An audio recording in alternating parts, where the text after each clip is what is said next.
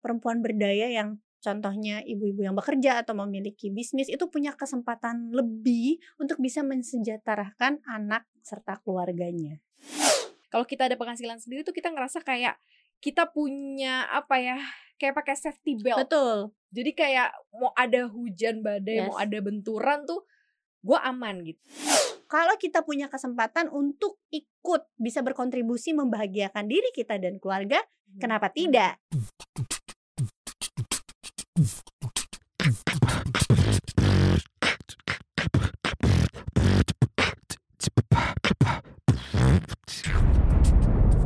Cuap-cuap cuan.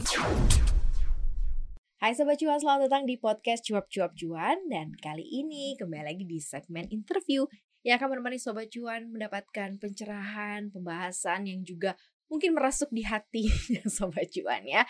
Seperti biasa ada Maria Katarina dan juga ada Financial Expert CNBC Indonesia Ada Olivia Louis ya.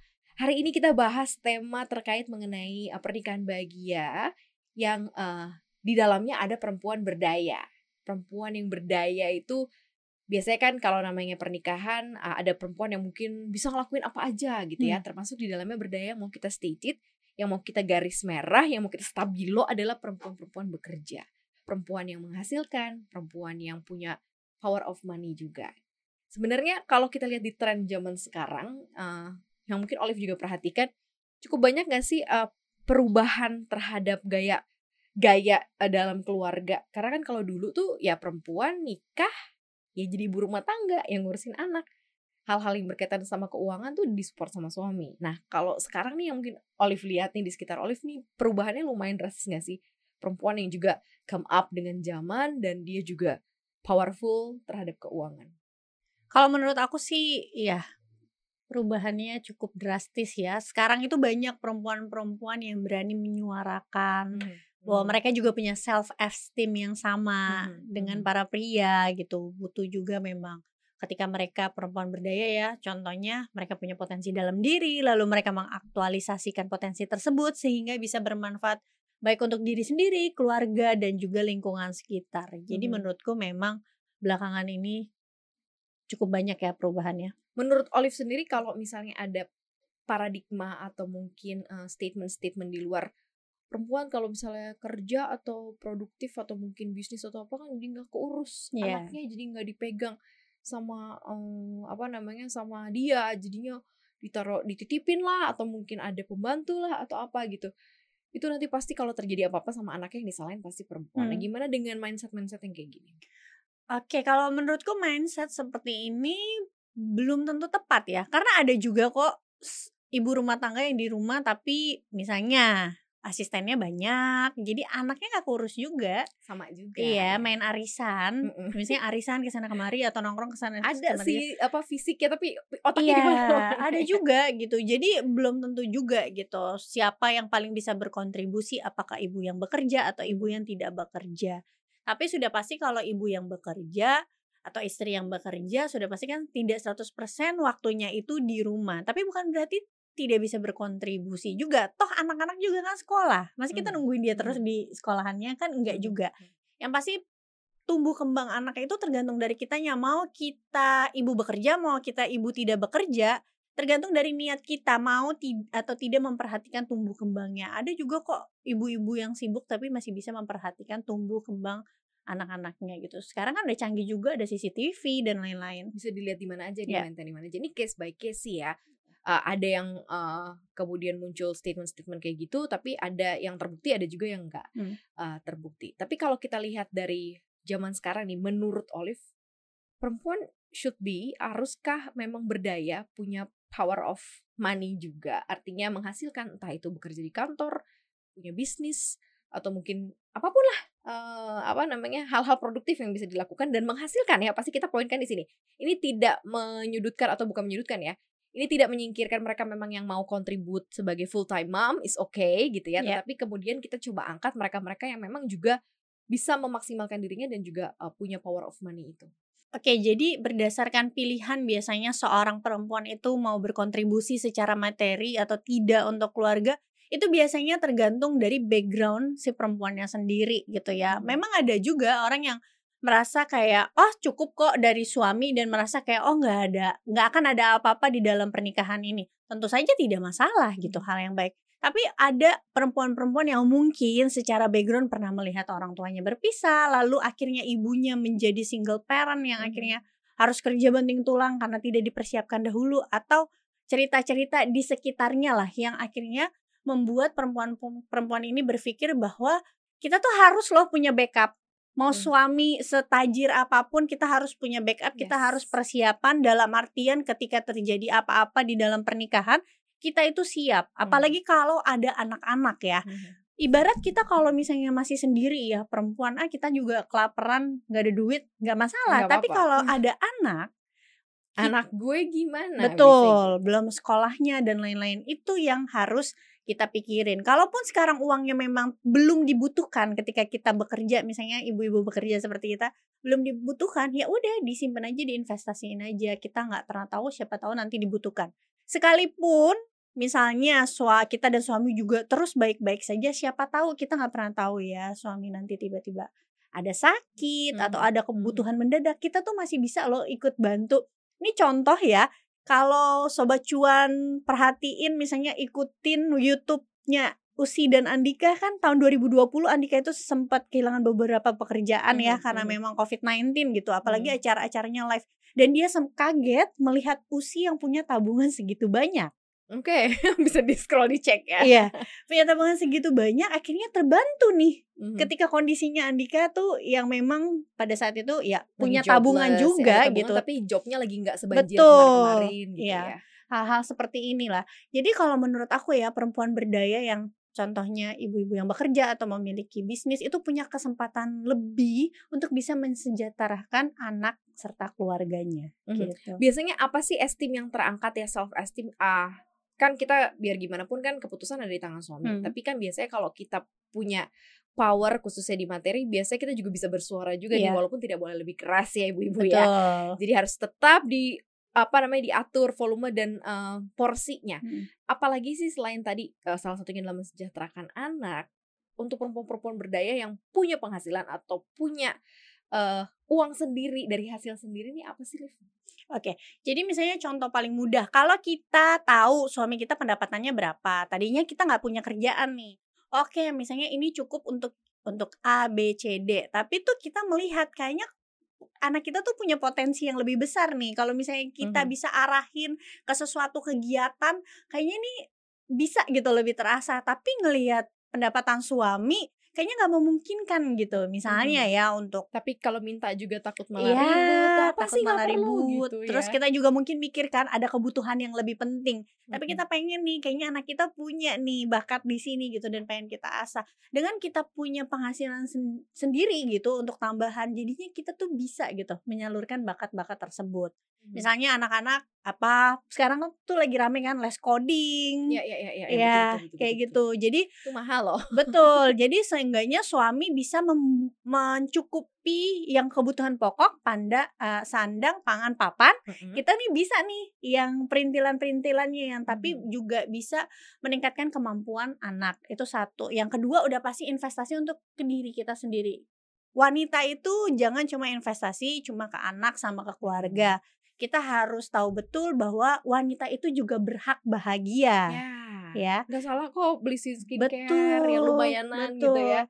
Karena ketika sobat cuan dan kita juga mencintai diri kita sendiri, membiarkan diri kita bahagia, pasti dampaknya juga kita akan memberikan kebahagiaan lagi ke keluarga Betul, kita betul. gitu. Kan biasa apa? eh, happy happy wife, happy life Nah, gitu happy ya. wife, happy happy kids, happy Ya, life gitu. dan Semua bahagia. Betul, dan ketika kita menikah itu kita jangan bergantung kebahagiaan kita kepada pasangan kita gitu. Jangan karena kita menikah, oh berarti tanggung jawab untuk membagian membahagiakan saya adalah di suami. Tidak seperti itu. Kalau kita punya kesempatan untuk ikut bisa berkontribusi membahagiakan diri kita dan keluarga, Hmm, kenapa hmm, tidak gitu hmm. ya kan? Oke, ini menarik sih. Jadi bukan hanya power karena bisa pakai uang sendiri ngapa-ngapain gitu, tetapi ternyata ada goal-goal finansial Hmm. yang mungkin kita lihat dan ke- tertangkap oleh perempuan, misalnya apalagi terkait soal, soal anak ya. Misalnya anak saya bisa ini bisa itu, ini bisa langsung disalurkan gitu Iya. ya. terus pengen punya barang-barang mungkin dalam tanda kutip yang agak okean tapi minta sama Iya. suami karena tahu bebannya seperti apa jadi bisa Iya. dibeli sendiri gitu. Nah, eh, harusnya seperti apa sih porsi si perempuan-perempuan berdaya ini dalam rumah tangga nih yang menurut Olive kan kalau eh, laki-laki ya udah jelas ya menghidupi semuanya. Terus kemudian ada perempuan-perempuan yang bahkan jadi tulang punggung ada, yang Ada, seperti ada, itu. ada. Nah kita ambil konteks perempuan berdaya nggak jadi tulang punggung juga tapi dia supporting Hmm. financial. Apa yang bisa eh, porsinya seperti apa? Oke. Walaupun ini masing-masing bisa dibicarain sih, Iya. tapi ini gambaran aja. Kayak seperti yang tadi Kak Maria bilang, jadi setiap porsi itu kalau setiap keluarga ter- tentu tergantung keluarganya. Ada juga ah, keluarga yang sudah dari awal mereka karena sama-sama bekerja sudah bagi tuh Mm-mm, Aku mm-mm. bayar ini ya, Kamu misalnya ini ya, gitu ya. KPR apa-apa. Kamu ini ya sekolah sama listrik sama ini. Apakah ini salah? Enggak salah juga gitu. Enggak apa-apa. Asal dua-duanya setuju dan dua-duanya nyaman gitu menjalani. Enggak masalah. Tapi ya kalau bisa sekalipun bagi sama rata, setidaknya suami juga harus ingat harus tetap kasih jajan uang istrinya supaya istrinya juga jadi tambah Happy. semangat.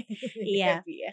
Tapi ada juga yang misalnya kontribusi pendapatan uh, sumber income-nya itu dari suami, si istri bagaimana? Kan ada juga yang bilang uang suami, uang istri, uang istri, uang istri gitu kan. Mhm. Nah kalau kayak gini seperti apa? Tergantung dari istrinya. Mau nggak berkontribusi terhadap uh, pengeluaran atau Mhm, ekonomi mhm, keluarga mhm, gitu? Kalau mau ya lebih bagus gitu. Atau misalnya kontribusinya untuk liburan deh.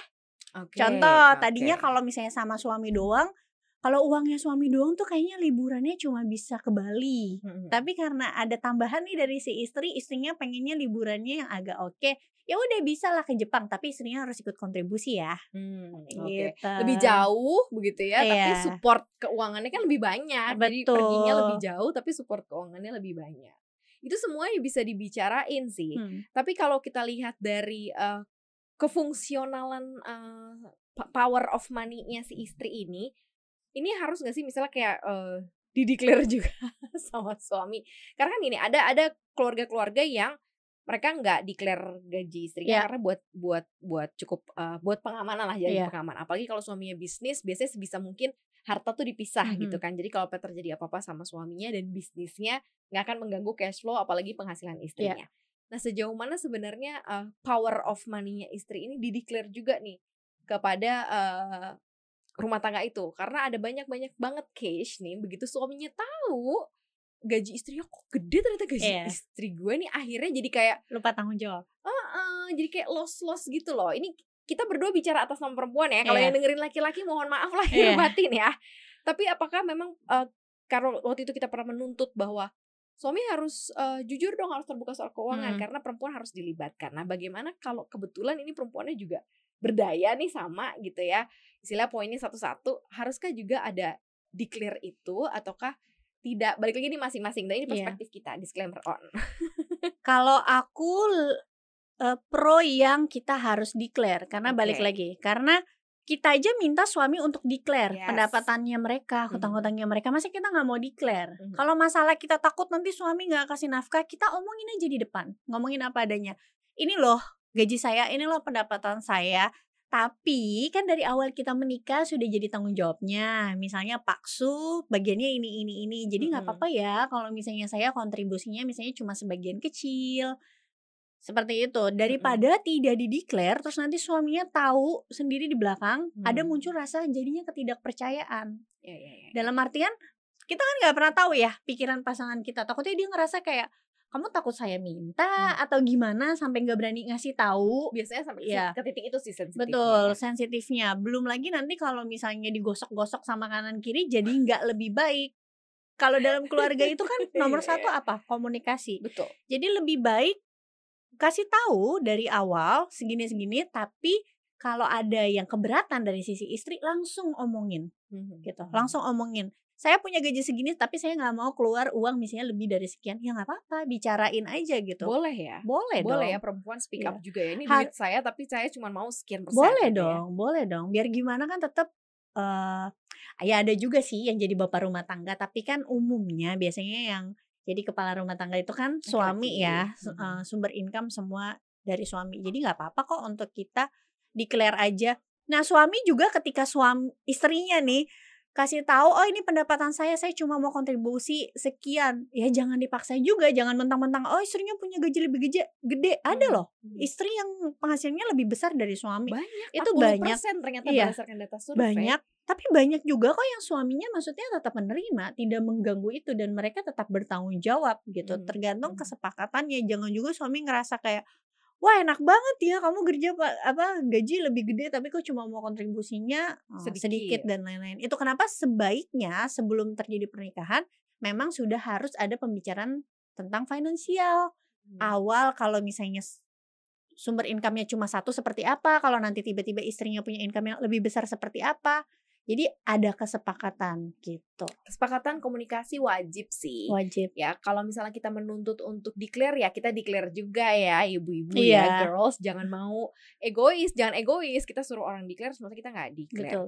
Dan moral of the story-nya sebenarnya ketika kita punya penghasilan sendiri ini kalau dari perspektif aku- perspektif aku ya kalau kita ada penghasilan sendiri tuh kita ngerasa kayak kita punya apa ya kayak pakai safety belt. Betul jadi kayak mau ada hujan badai mau Yes. ada benturan tuh gue aman gitu Iya. karena dari sisi kita kita juga produktif menghasilkan kita tahu apa yang kita bisa eh, apa namanya upgrade dari diri kita Betul. dan kita tuh bisa kuat secara finansial dapetnya dari mana aja tuh kita jadi ngerasa lebih aman dan moral of the story-nya lagi untuk bapak-bapak percaya deh kalau misalnya anda punya perempuan atau istri anda berdaya itu akan mengurangi tingkat stres kepusingan ya karena biasanya kalau cewek pegang uang dia tuh udah nggak mau lagi ngerepotin oh gue tahu istri suami gue gajinya cuma segini betul. ini ini ini udah udah gue take take betul. over sendiri iya. gitu.